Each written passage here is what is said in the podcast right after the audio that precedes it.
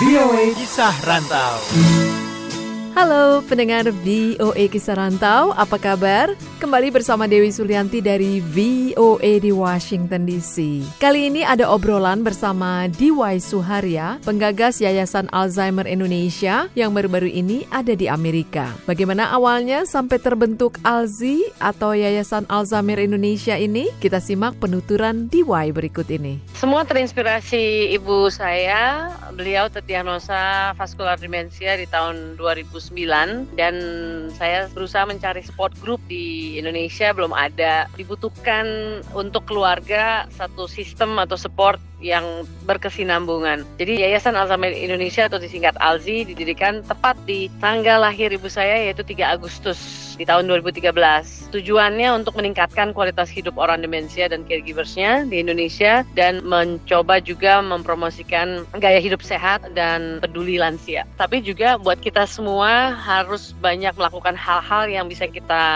aplikasikan sehari-hari untuk mengurangi risiko terkena penyakit ini. Anda juga menulis ketika ibu melupakanku. Iya, ketika ibu melupakanku ditulis oleh saya dibantu sahabat saya Dian Purnomo yang diluncurkan tepat di hari ibu di Jakarta tanggal 22 Desember 2014. Buku ini merupakan buku pertama yang berhubungan dengan demensia dan ceritanya berkisah tentang perjalanan hidup seorang anak yang memiliki ibu dengan demensia sampai beliau lupa nama dan lupa berbagai anggota keluarga lainnya. Intinya sebenarnya buku ini ingin berbagi saja dari berbagai kegiatan atau aktivitas yang ada di masa lalu yang dulu terjadi sekarang lewat buku tersebut saya bisa menyimpulkan oh ya ternyata ibu saya punya satu atau dua atau berbagai dari 10 gejala Alzheimer tersebut dan mudah-mudahan buku tersebut juga bisa memberi inspirasi atau membantu keluarga lainnya sehingga mereka tidak lagi membentak atau bersikap tidak baik terhadap orang tua. Dalam rangka apa Oke. Anda ada di Amerika? Ada serangkaian kegiatan, salah satunya International Conference, lebih dari 90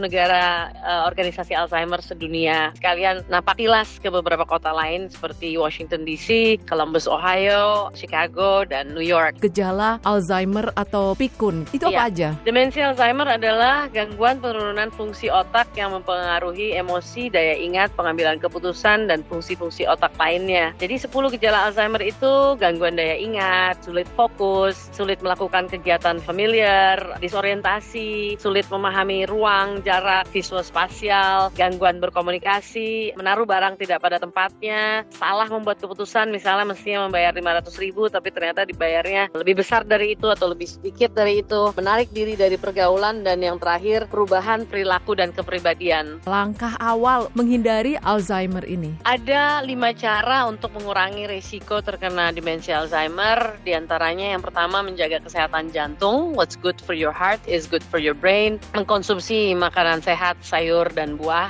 tiap hari reguler. Mengaktifasi otak dengan melakukan berbagai kegiatan seperti TTS, sudoku atau mengorganize beberapa hal, sosialisasi dan bergerak atau physical activity. Di Indonesia ada penelitian dengan eh, bergerak atau menari poco-poco mengurangi risiko terkena demensia apabila dilakukan konsisten tiga kali seminggu selama tiga bulan dan durasi 30 menit. Itu improving neuroplasticity atau kemampuan pengambilan keputusan sejumlah 37,5 persen. Namanya umur, kalau sudah 60 ke atas, resikonya lebih besar dibanding yang 60 ke bawah terkena demensia Alzheimer. Dan semakin kita mengaplikasikan pola hidup sehat, tentunya risikonya bisa diperkecil. Ada pesan atau tips Stop galau ya, dampaknya bisa terasa di hari tua. Penelitian membuktikan olahraga atau bergerak 30 menit sehari atau 150 menit seminggu itu mengurangi risiko tidak hanya demensia tapi penyakit tidak menular lainnya kurang lebih 30%. bagi teman-teman yang ingin tahu lebih banyak Yayasan Alzheimer Indonesia ini